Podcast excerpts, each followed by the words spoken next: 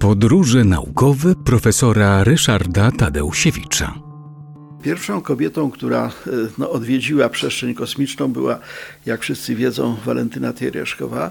Jej lot miał miejsce w 1963 roku i potem długo żadna kolejna kobieta się w kosmosie nie pojawiła. E, Było to mm, no, spowodowane takim przekonaniem, że właśnie te warunki przestrzeni kosmicznej raczej preferują mężczyzn, chociaż y, zarówno w Rosji, właściwie wtedy Związku Radzieckim, y, jak i w Stanach Zjednoczonych były treningi przygotowawcze dla zespołów kobiet. No i tych kobiet, które były predestynowane do tego, żeby lecieć w kosmos, y, było więcej. Y, W zespole radzieckim obok Tyreszkowej y, było jeszcze pięć innych pań. Te pozostałe jak gdyby odpuściły w momencie, kiedy okazało się, że nie ma dla nich miejsca w rakiecie. Natomiast wytrwała i bardzo uparta była Swietłana Sawicka. To taka no, dublerka Tieryszkowej. Swietłana Sawicka nie poleciała w kosmos, bo miała niewłaściwe pochodzenie społeczne. Chruszczow osobiście wybrał Tieryszkową, ponieważ była tkaczką. Natomiast y, Sawicka y, uparła się i y, udało się jej polecieć. 11 lipca 1982 roku Swietłana Sawicka dostała swoją szansę. Poleciała pojazdem takim kosmiczną taksówką Sojus T5.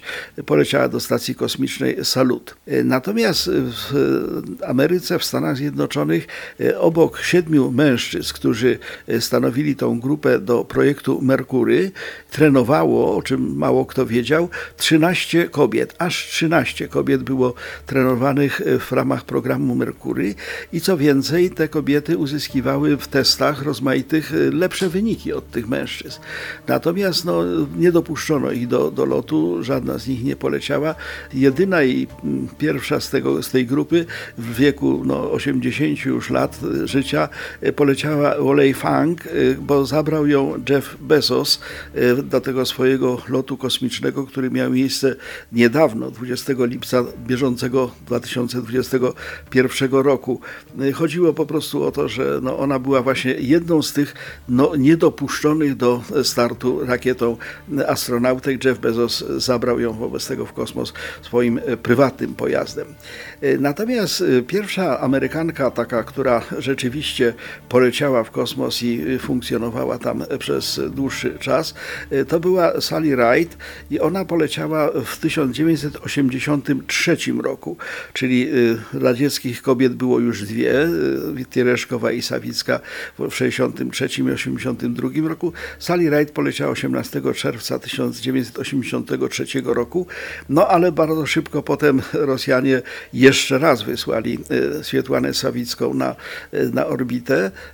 No i co więcej, ona wtedy odbyła spacer w przestrzeni kosmicznej, co było dosyć dużą e, rzadkością. W tej chwili na stacji kosmicznej e, właściwie bezustannie przebywają jakieś kobiety, ale warto widzieć, jak trudno to było jednak przebić to przekonanie, że jak kosmonauta, jak astronauta to tylko mężczyzna.